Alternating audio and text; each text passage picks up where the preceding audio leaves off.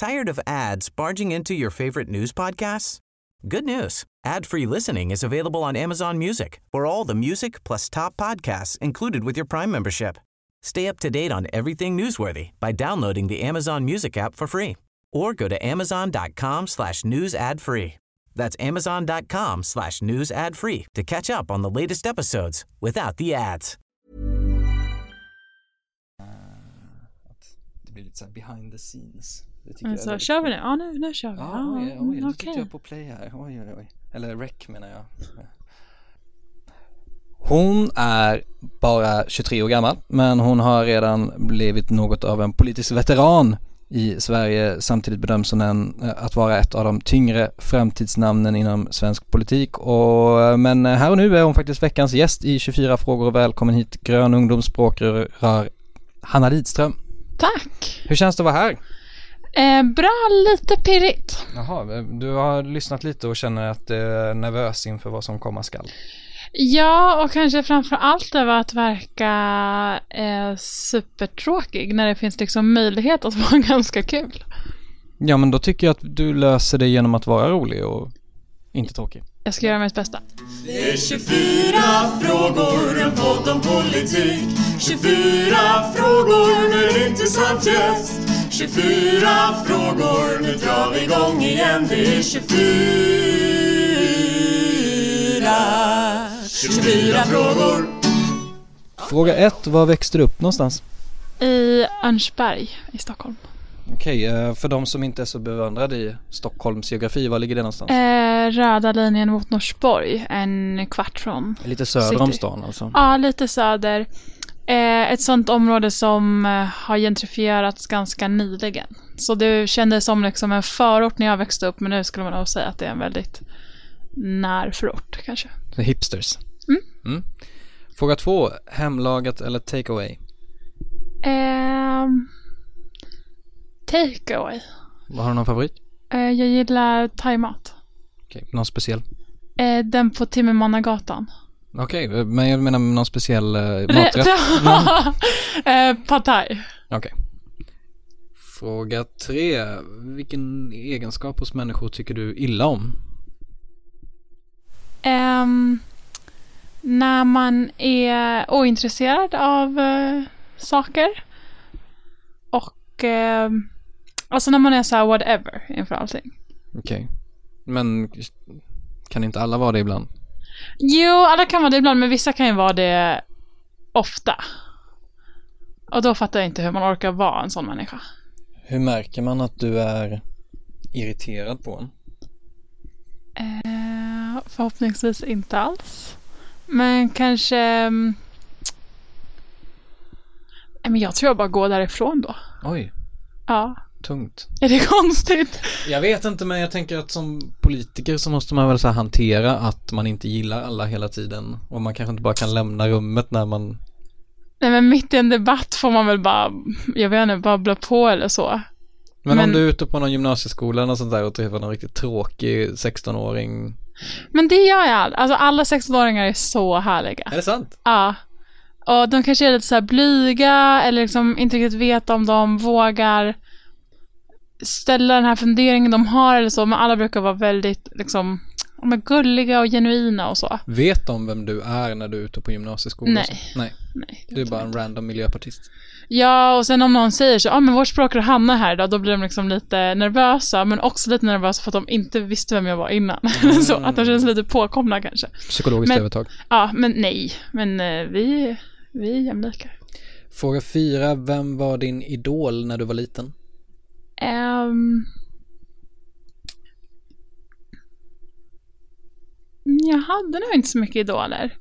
Vad hette hon som var jättebra på fotboll när jag var liten? Hanna Ljungberg. Ljungberg va? Mm. Ja, hon tyckte jag var cool.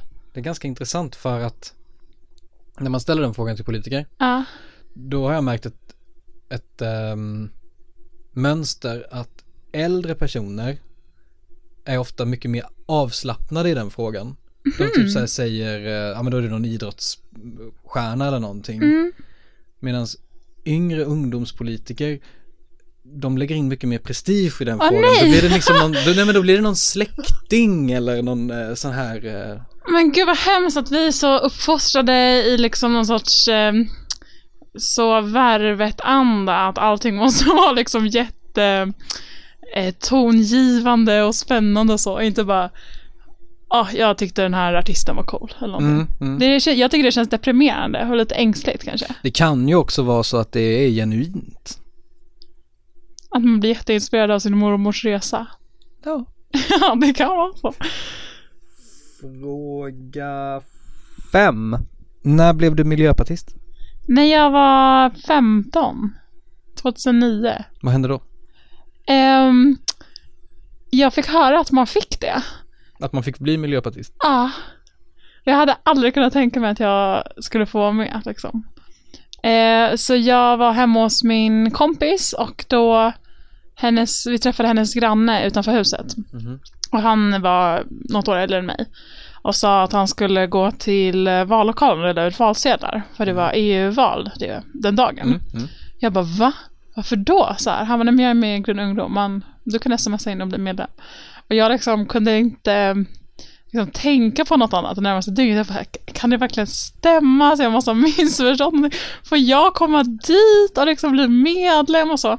Så då eh, blev jag det. Och sen tog det ganska lång tid innan jag vågade gå på ett möte. Och det var också så, jag bara, alla kommer skratta ut mig, jag kan ju inget. Så här. Men sen sa alla, hej kul att du är här. Men det låter nästan som att det hade kunnat bli vilket parti som helst, bara det att Eh, nej, men det hade inte det, för jag var väldigt intresserad av eh, liksom klimatförändringar och så. Eh, och hade blivit otroligt gripen av det eh, när jag sett dokumentärer kring det och så. Så eh, att det liksom, att det fanns någon sorts svar för det var väldigt eh, essentiellt. Och fråga sex, när bestämde du dig för att du ville bli språkrör för Grön Ungdom? Ehm... Gud, jag kommer inte ihåg. Ett tag innan jag blev det. Ehm...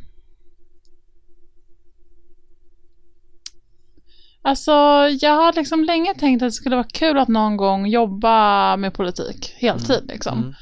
Eh, men eh, varit lite så, ah, vi får se när och hur det kan bli av. Eh, och när vi skulle välja språkrör eh, 2016, när jag blev vald, så, gud jag minns inte vad det var som till slut fick det att tippa över till, för, för det är ju ganska läskigt att kandidera till någonting och så. Eh, men till slut kände jag väl bara, Grön ungdom är bäst, det här vill jag hålla på med. Fråga sju, du är ju rätt lång. Hur lång är du egentligen? 1,85. Länge ljög jag, alltså mitt pass har fram tills precis nyligen när jag förnyat har det stått 1,83. Jag tyckte det var lite pinsamt att vara så lång. Är det bra eller dåligt att vara så pass lång som tjej? För det är ju naturligtvis, man har ju olika förväntningar på, Mm, ja, jag har tyckt det varit jättejobbigt när jag varit yngre. Eh, sköt ju höjden tydligt och så. Ja, och eh, känt mig liksom väldigt pinsam och så. Ja. Eh, och liksom varit längre än alla killar och sådär. Ehm, och nu tycker jag att det är helt okej. Eller ja, jag har väl... Eh, eh, tänker väl att det är så man är.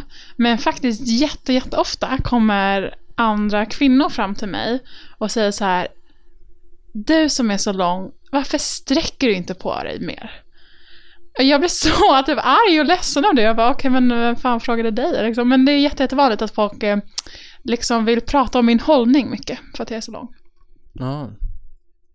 Jag är också ganska lång men jag har väldigt sällan med om just hållningsgrejen. Fast jag tror att folk tänker det för jag har också lite så här dålig hållning. Jag vill inte säga det om dig, men du har också lite dålig hållning. Men jag vet inte varför det är att man vill gärna berätta det för mig.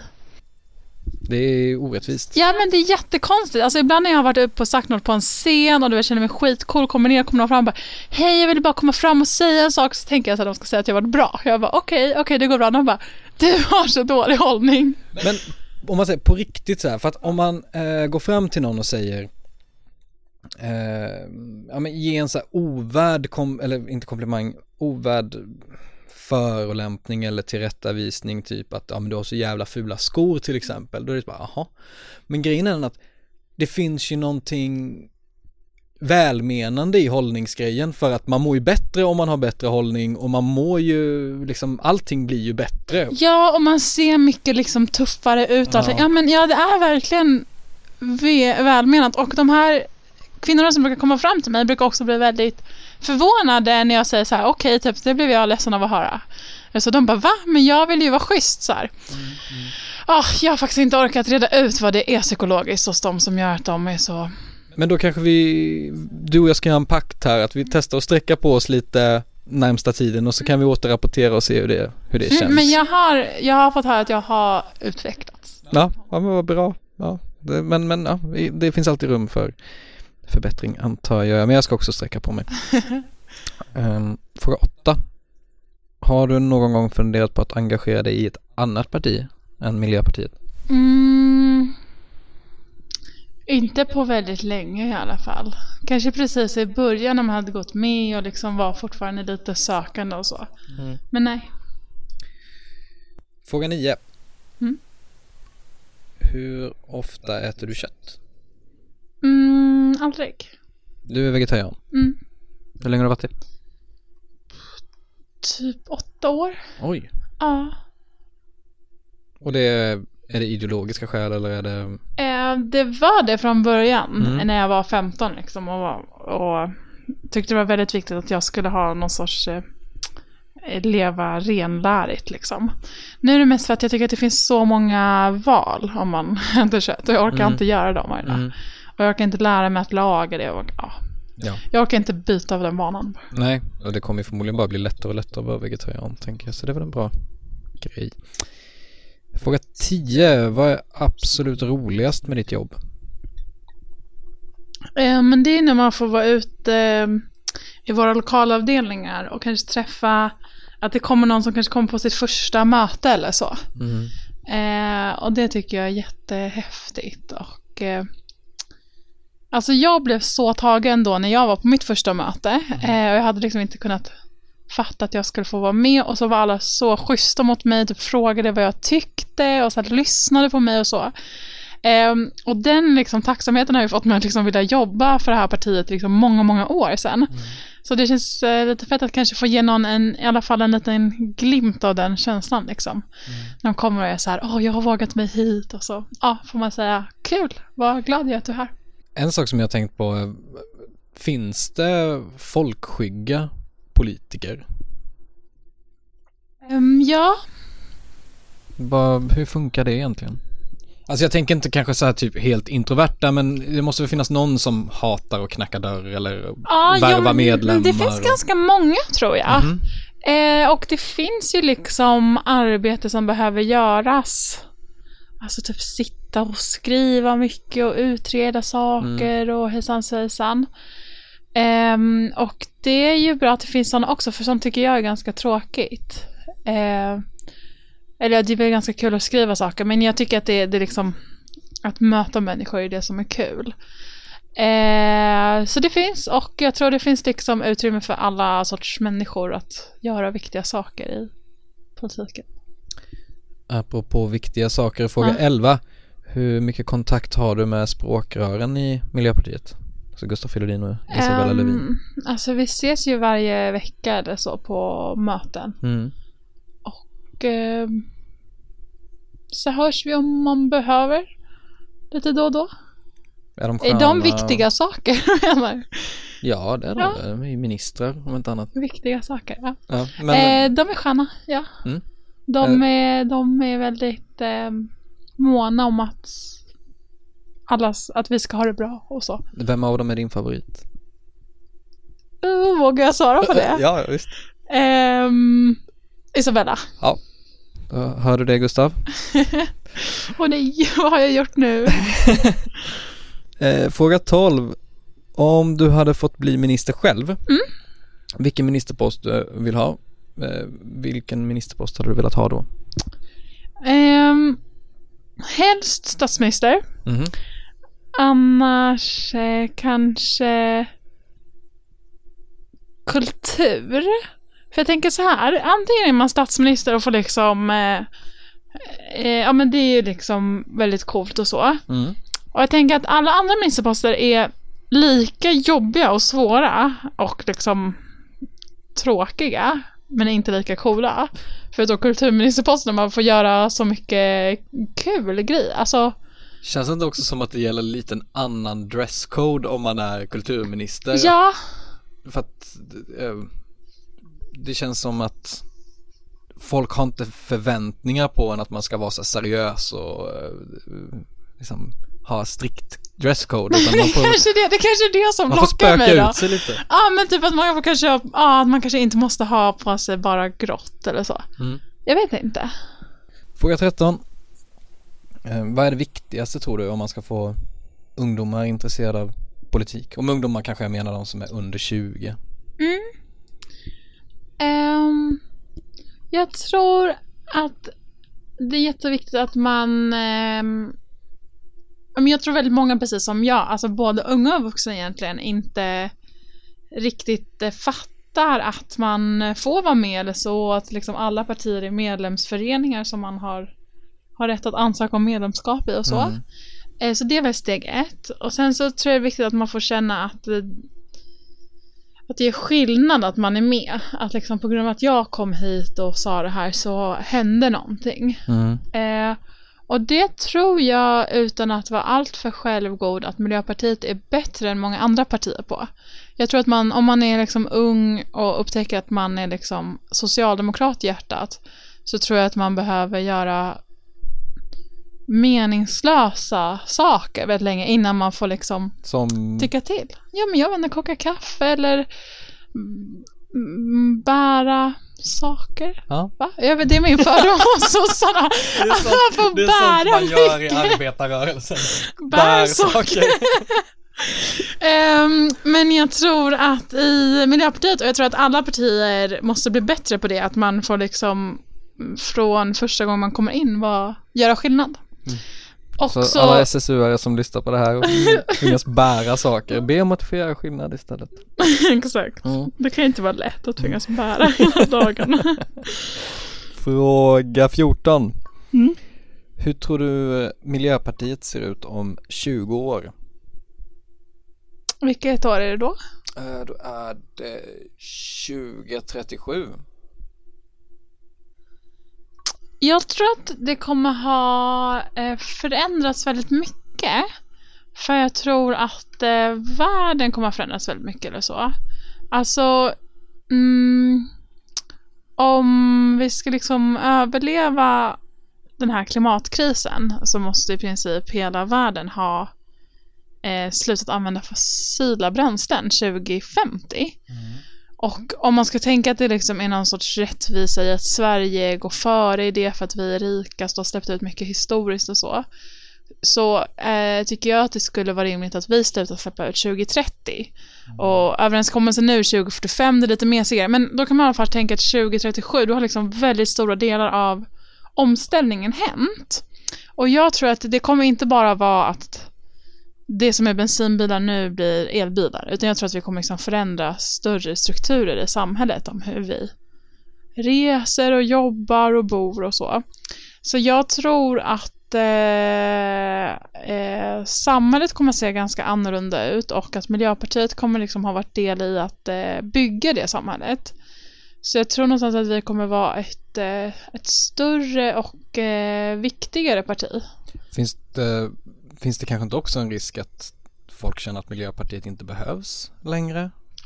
Jo, det gör det. Och ehm, alltså, det kanske vi inte gör heller. Nej. Eller jag, jag tycker inte att det skulle vara det hemskaste i Vi världen. kanske har blivit sossar allihopa och går inte och bär grejer. Nej! Nej, men jag tycker inte att det finns ett egenvärde i att just vi finns, men att det idag finns liksom en väldigt stor uppgift som vi behöver lösa. Om den är löst, det tror jag inte att den blir på 20 år, men om det skulle vara så, så är det väl skitbra. Då kan vi liksom då kan vi liksom leva i vårt superhärliga, hållbara samhälle och sitta och diskutera om vi ska höja eller sänka skatten lite grann. Och så behöver inte vi vara med. Eh, men jag tror att vi fortfarande kommer ha liksom väldigt stora utmaningar. Jag tror att även längre tid framöver än 20 år så kommer eh, världen vara orättvis. Och att det behövs liksom en politisk kraft för det. Um, så jag tror att vi kommer lite brottas med den frågan vi brottas med redan. Eh, så här, hur, förhoppningsvis har vi väl kommit längre i de funderingarna, men hur liksom är vi med och bygger det här samhället och fortfarande idag och fortfarande är liksom visionära om vad vi vill att samhället ska vara om 20 år från och med då. Mm. Det känns som att eh, energifrågan i framtiden, det, om man, beroende på om man är pessimist eller optimist så en del menar ju att om man löser, det finns ju det här exemplet att om man sätter en solpanel stor som Tyskland i Saharaöknen så mm. är energifrågan helt löst för hela mm. världen. En del menar ju att ja men om vi bara fixar det så kommer allting bli harmoniskt och fint medan andra menar att om vi fixar det så kommer det bara uppstå nya problem och det kommer bli en obalans i liksom att folk i och med att vi inte har någon energipolitik längre så kommer folk inte riktigt veta vad man ska göra med sina liv på något sätt. Hur, hur tänker du? Mm, jag fattar inte riktigt. Att på något sätt att eh, mycket av den ekonomi vi har i samhället är uppbyggd kring energi. Vi har liksom rika oljestater och vi har liksom stora, några av världens största företag sysslar med energi. Och bygger man den där solpanelen ute i, ute i Sahara mm. så kanske så finns det en risk att allting kollapsar. Kraschar systemet liksom. Um, jag tror absolut det finns en risk att allting kollapsar. Uh, och det är väl lite vad jag uh, um, ser som vår uppgift att undvika. Alltså antingen om eh, oljan börjar ta slut, vilket är sannolikt att den kommer göra. Och även, även hur bra förnyelsebart den är så är det inte lika effektivt som olja. Alltså man får inte lika mycket energi per, per hur jobbigt det är att få ut det i någon annan energislag. Så på något sätt så tror jag att vi kommer behöva förbereda oss på eh, en ganska svår ekonomisk situation där eh, vi behöver använda mindre energi totalt. Och som du säger så är liksom en väldigt stor del av ekonomin eh, kretsar kring energi. Trots att det kommer väldigt få till del. Det är väldigt mycket de här jättestora företagen så, som tjänar på att vi har ett fossilt samhälle. Men samtidigt så, så är liksom stora delar av ekonomin byggs på det. Och jag tror absolut det finns en eh, risk att det blir liksom stora krig eller så. Eh, när oljan tar slut eller mm. klimatförändringen blir så pass allvarlig att vi måste liksom från en dag till en annan bara stänga ner alla oljefält. Och det är väl lite det man försöker undvika genom att eh, ah, mjuka oss in i liksom en, en förnyelsebar och hållbar värld och så. Och jag får ganska ofta höra Ja men typ att eh, kanske miljöpartister är så naiva och så. Mm. Och jag tycker att det här är liksom den, det, det största eh, beviset på att alla andra är det. Eller liksom, eh, ja, om vi inte gör någonting nu, ja då är jag ganska säker på att vi kommer ha allvarliga samhällskollapser. Head over to Hulu this March where our new shows and movies will keep you streaming all month long.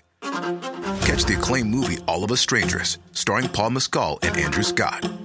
Stream the new Hulu original limited series We Were the Lucky Ones with Joey King and Logan Lerman. And don't forget about Grey's Anatomy. Every Grey's episode ever is now streaming on Hulu. So, what are you waiting for? Go stream something new on Hulu. Tired of ads barging into your favorite news podcasts? Good news. Ad-free listening is available on Amazon Music for all the music plus top podcasts included with your Prime membership. Stay up to date on everything newsworthy by downloading the Amazon Music app for free or go to amazon.com slash news ad free. That's amazon.com slash news ad free to catch up on the latest episodes without the ads. På grund av hur vår energi är uppbyggd. Mm. Om vi inte nu liksom vågar ställa om och vågar stänga ner kärnkraft och så. Fråga 15. Om du hade haft en superkraft, vad hade det varit för superkraft? Mm. Alltså om jag skulle velat ha en eller om jag skulle liksom översätta min personlighet till en? Nej, nej, alltså någon slags magisk grej. Du får välja en superkraft. Jag får välja? Ja. ja välja. Eh, det skulle vara skönt att aldrig behöva sova. Jaha. Jag tycker inte det är så kul. Så det blir så här, så här vad, heter, vad skulle det heta då? Så här, not a sleep woman, awake woman.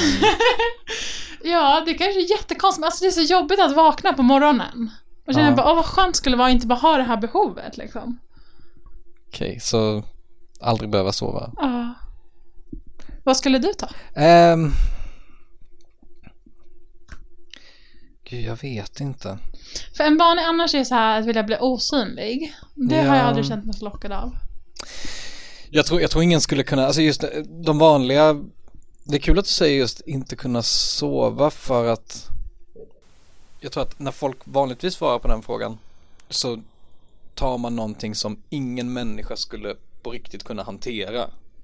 Alltså så här, nej, men så här, bli osynlig eller kunna flyga eller bli så här, kunna bli allsmäktig eller någonting. Mm. Det säger sig själv, ingen människa skulle klara av det. Man skulle må dåligt av det. Så. Alltså jag tror att Ja. man, det, det, hur godhjärtad man än är så skulle man ju börja missbruka det eller någonting liknande. Eller så här evigt liv. Jag menar, Just det.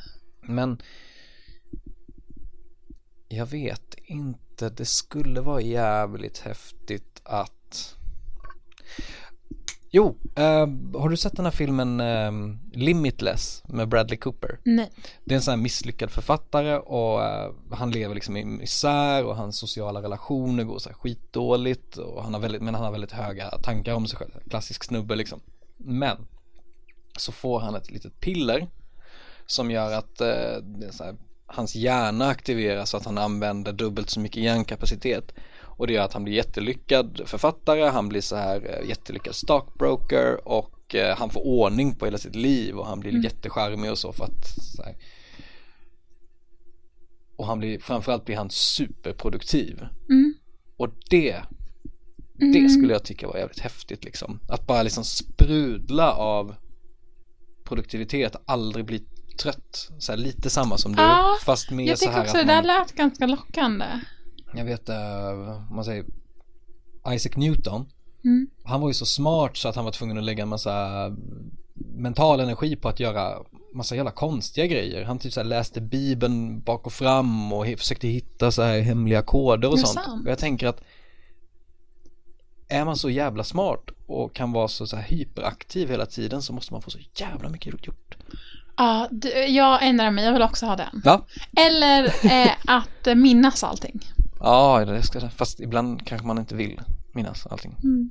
Eh, men ja, eh, se, se Limitless, det är en Mhm. väldigt, väldigt bra film. Jag tror det har blivit serie också nu, men jag har inte sett den.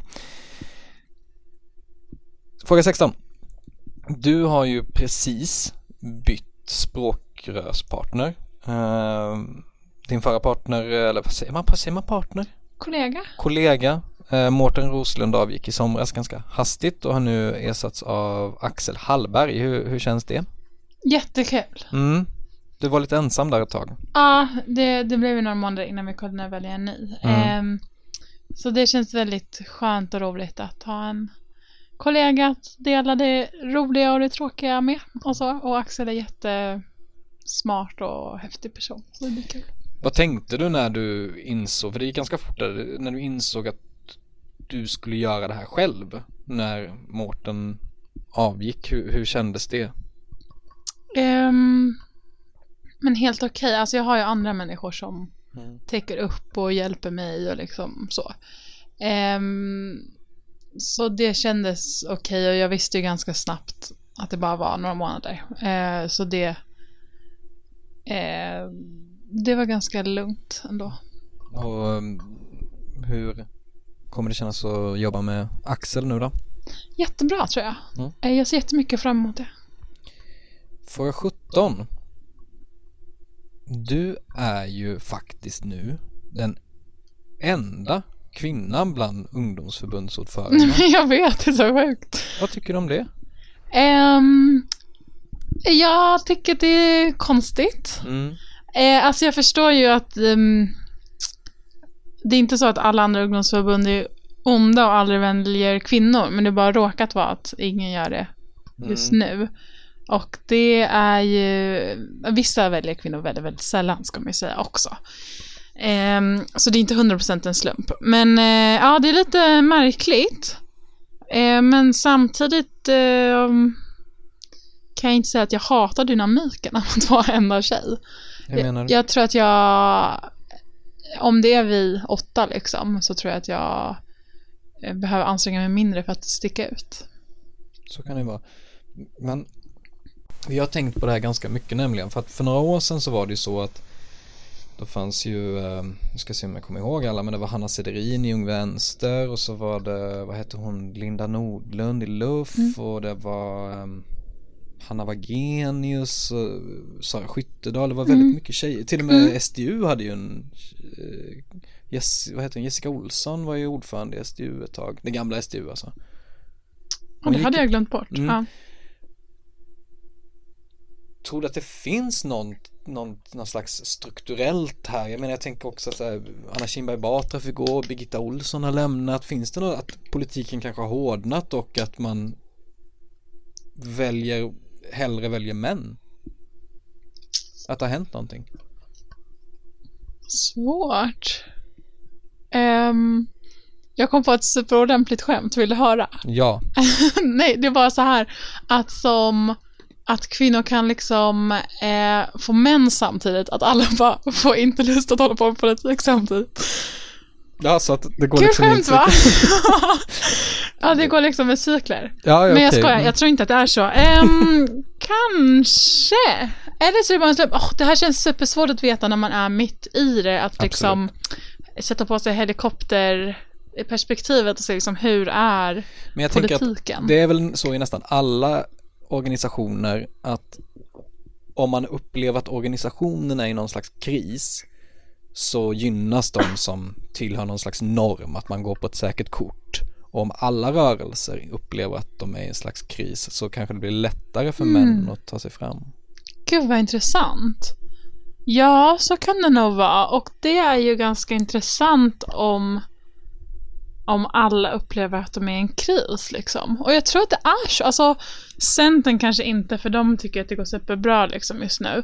Men ja, kanske att alla andra känner så här, det är lite skakigt nu. Vi tar det säkra kortet, vi tar killen liksom. Just nu är inte perioden att liksom chansa på en kvinna eller så. Centern har väl också en annan självbild just för att de anser inte att och kanske med rätta också, de kanske inte anser att de har det här problemet med att män gynnas för att man har en lång tradition av kvinnliga partiledare och sådär. Så de kanske inte bryr sig så mycket.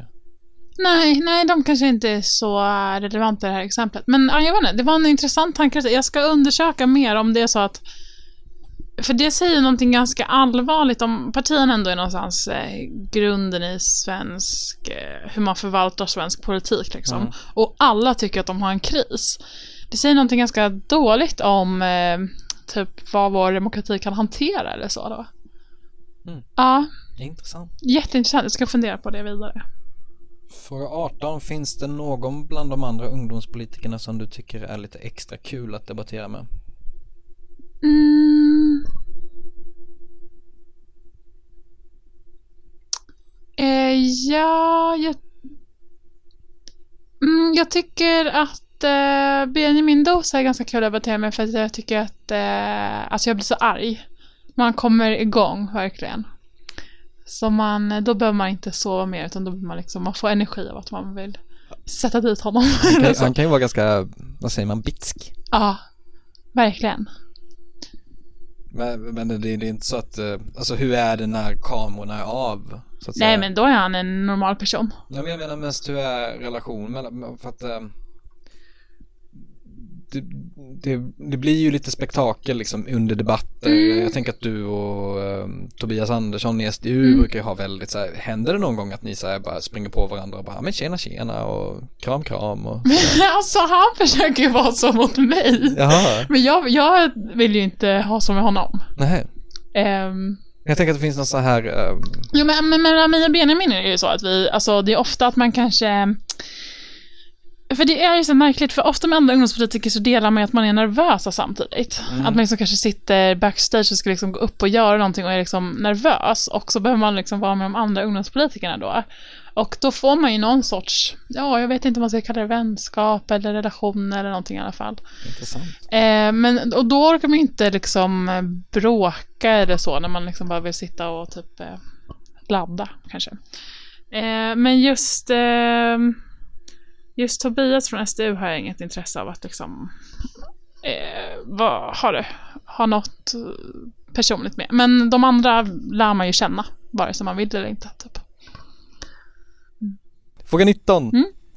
2015 hamnade du i rampljuset. Du drog ett skämt om knivförsäljning på Ikea precis efter det här dådet där två människor dödades. Hur ser du tillbaka Mm. på det idag?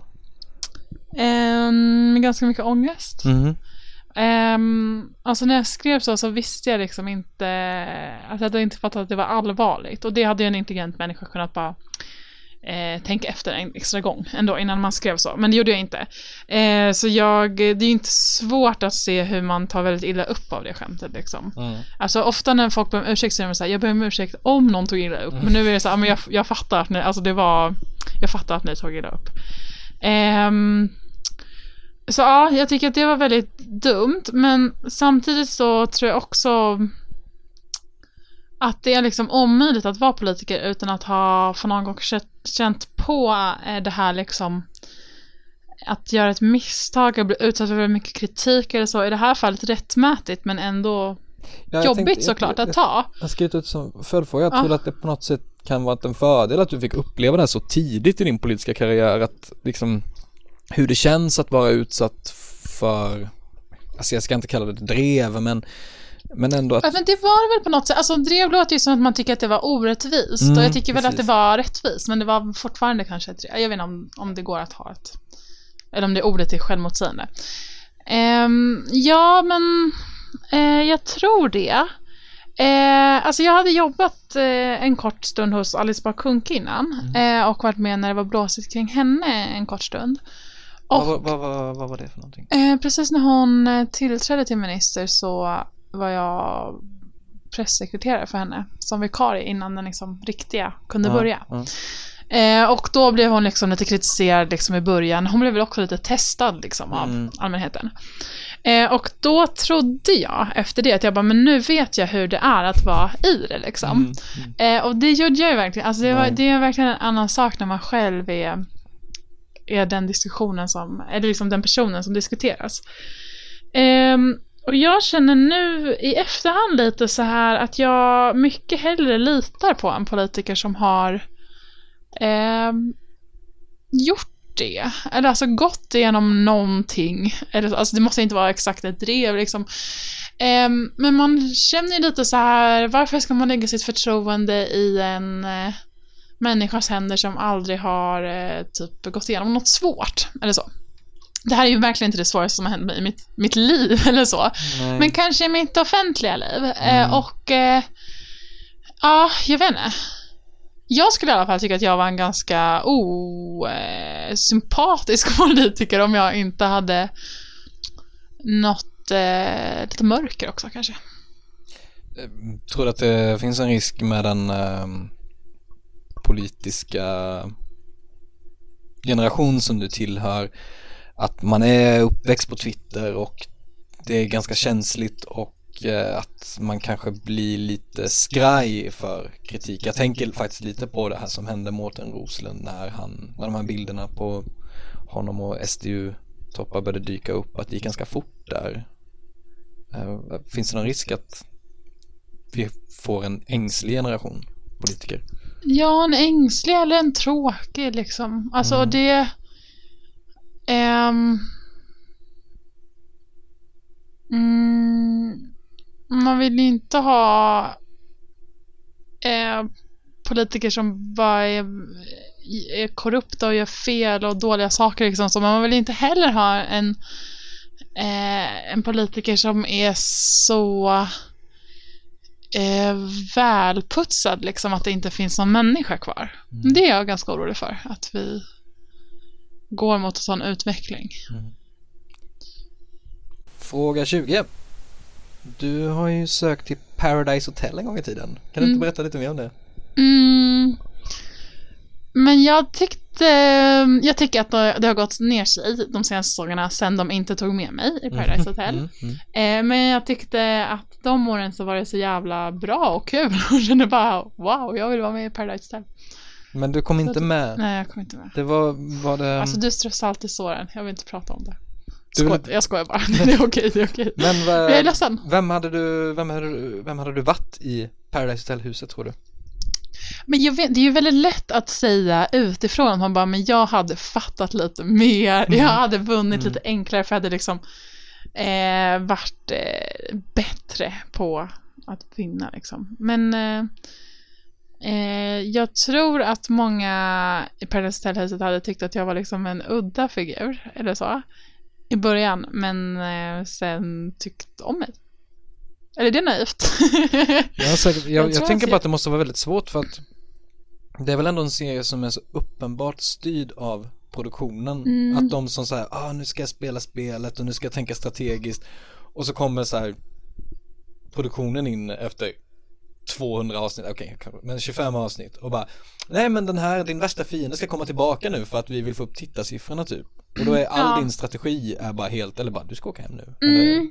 Ja precis, och jag har en kompis som liksom helt tokig på det och bara Men åh! Det, man måste ju kunna liksom veta vad reglerna är och kunna följa dem och det kan man ju, alltså för de ändrar ju reglerna så fort de Ja, vill heja på en annan person ja, eller liksom så. Eh, och jag tänker väl att alltså det är det som är reglerna någonstans att Men var det inte så att du så här, testades lite av Samir? Jag var med i någon sån webbserie som hette Förspelet. Där man liksom fick följa vissa personers audition. Eller så. Mm, mm. så Och, då blev jag intervjuad av Samir. och vad, vad, vad, vad minns du av det? Ehm, men alltså de klippte ihop det sen som att eh, som att det skulle vara så här, åh nej, en supertråkig politiker. Eh, så de har liksom klippt ihop avsnitt när jag sitter liksom och babblar till sån här kanske sövande musik och Samir ser så här superuttråkad ut. Men det var så falskt för eh, när vi hade den intervjun så försökte de få mig att att eh, prata väldigt tråkigt. De bara, ah, men Hanna kan du inte berätta, så här, du som är politiker, hur blir en lag till? Typ. Och så berättade jag så jävla pedagogiskt och roligt. Så de hade skitsvårt att få till liksom den eh, de visste redan innan att de ville göra så. Men jag var liksom för rolig så de fick kämpa med att få till det, den, den dissen av mig. Fråga 21, tror du på Gud? Eh, ja. Ehm, jag gick ur kyrkan ehm, som någon sorts liksom protest eller så. När jag var yngre. Men har nu på senare tid känt ehm, att det är typ så jävla fint att vara i kyrkan. Och ja, jag vet inte, känt mig lite tilltalad av det och känt att det är liksom en fin tanke att... Ja, jag vet inte. Så jag utforskar väl det där lite grann. Spännande. Fråga 22, bunken, det vet du vad det är va? Eh, ja, Du ska ta en liten lapp här och så ska du läsa frågan högt och så ska du svara på är det så här för att du vill ställa jättepinsamma frågor men inte vågar stå för det? så det, är så, det var bunken som bestämde. alltså, Det är inte helt klart. Tanken är väl att det ska vara en fråga som vare sig du eller jag vet vad det kommer bli. Och de flesta frågor har jag faktiskt inte skrivit själv utan det är uh, Ny 24s redaktion. Mm. Och ni som lyssnar får gärna skicka in frågor som ni vill ha med i bunken så lägger vi ner dem där. Eh, 24 frågor at 24.se men nu tar du en lapp här.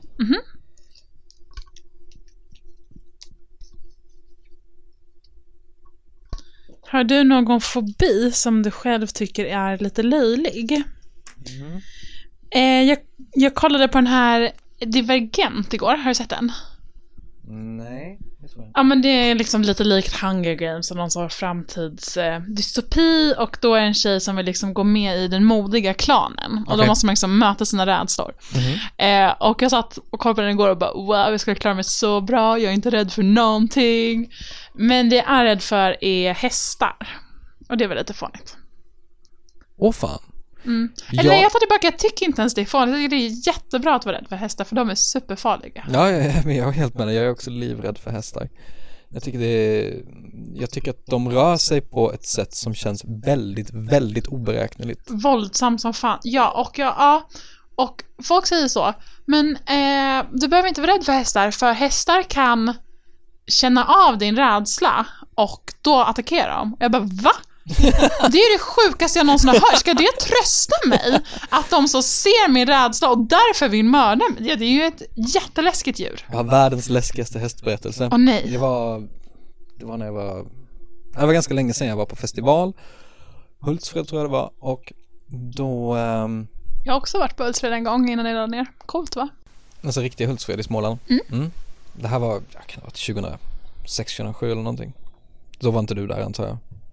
Nej. Nej, hur som helst. Då var det någon som hade tänt eld på en bajamaja mitt i natten. Mm.